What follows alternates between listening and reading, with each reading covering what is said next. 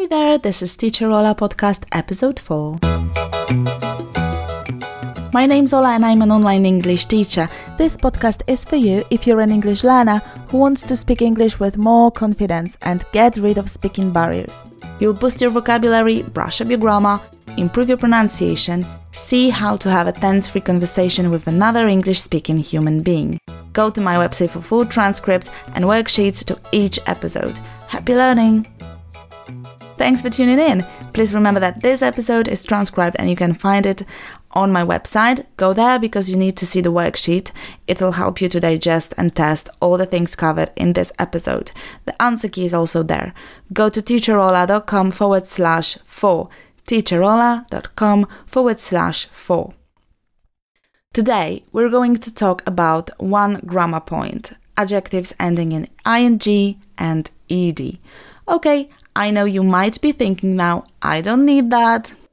It's too easy for me, and so on. And I hope it's truth. But it needs your practice and it needs your attention because it is common mistake made by many learners on various levels. So definitely check out the worksheet available to this episode and do test yourself, please. Mistakes are okay, it's fine to mistake, but first you have to realize there is a mistake and then you can learn from that mistake and try to avoid making them again. This is called learning. So don't worry if you do not make it right just yet. There is a group of adjectives which end with ing or ed.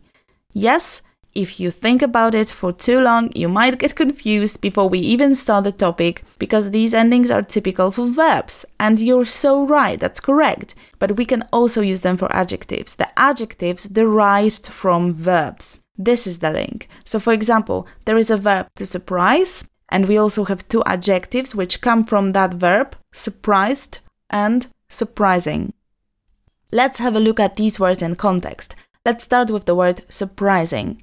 As a verb, she is surprising all of us. And as an adjective, it's a surprising piece of news. Tell me more. Okay, and the word surprised as a verb, my friend surprised me yesterday. And as an adjective, he was surprised when he found his old notes. Now, you see, it can be confusing because you have the same word for completely different uses. So let's begin with ed ending. I'm bored.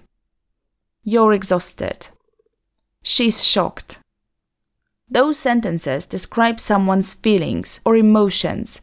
The adjectives bored, exhausted, shocked, they tell us how somebody feels a person or an animal. It gives us information about the temporary state. It cannot be used with things, situations, or ideas because they don't have feelings or emotions.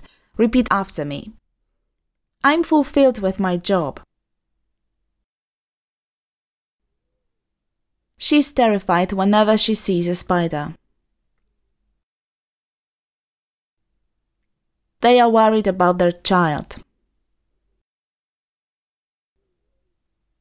Okay, an ing ending. Adjectives ending in ing describe a thing that causes the emotion or feeling.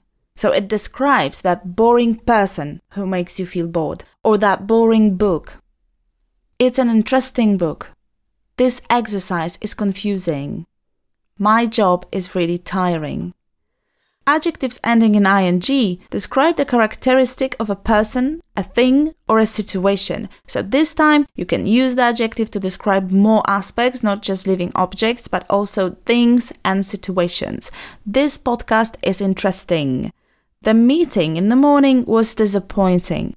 I felt disappointed because I expected more. The meeting was disappointing. The meeting is the cause of my current feelings.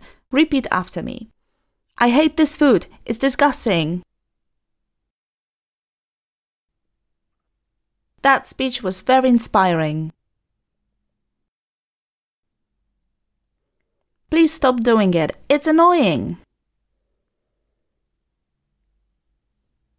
My personal tip for you is to remember one simple, super simple sentence and refer to that example whenever you feel confused. My example sentence might be I'm bored because my life's boring. Ta da! Well, now keep in mind that not all ed adjectives take an ing ending and vice versa. For example, crowded, scared, talented, stressed. Now, do you find it difficult to see the difference between ed and ing endings in adjectives? Do you even think about it? Go to my website and leave me a comment. Uh, make two sentences with two words embarrassed and embarrassing. Go ahead, check yourself. Leave me um, two sentences in the comment section. teacherola.com forward slash four. There you'll find full transcripts as well as worksheet. If you think someone you know would benefit from this episode, tell them about it. And next episode, it's all about TV series and their role in your learning experience, how to use them effectively. I'm excited about that episode because it's very close to my heart. I have a good few students who watch episodes of some TV series and we spend the entire lesson on discussing what they've watched. So make sure to subscribe and do not miss it. Have a great week. Till next Wednesday. Happy learning. Bye.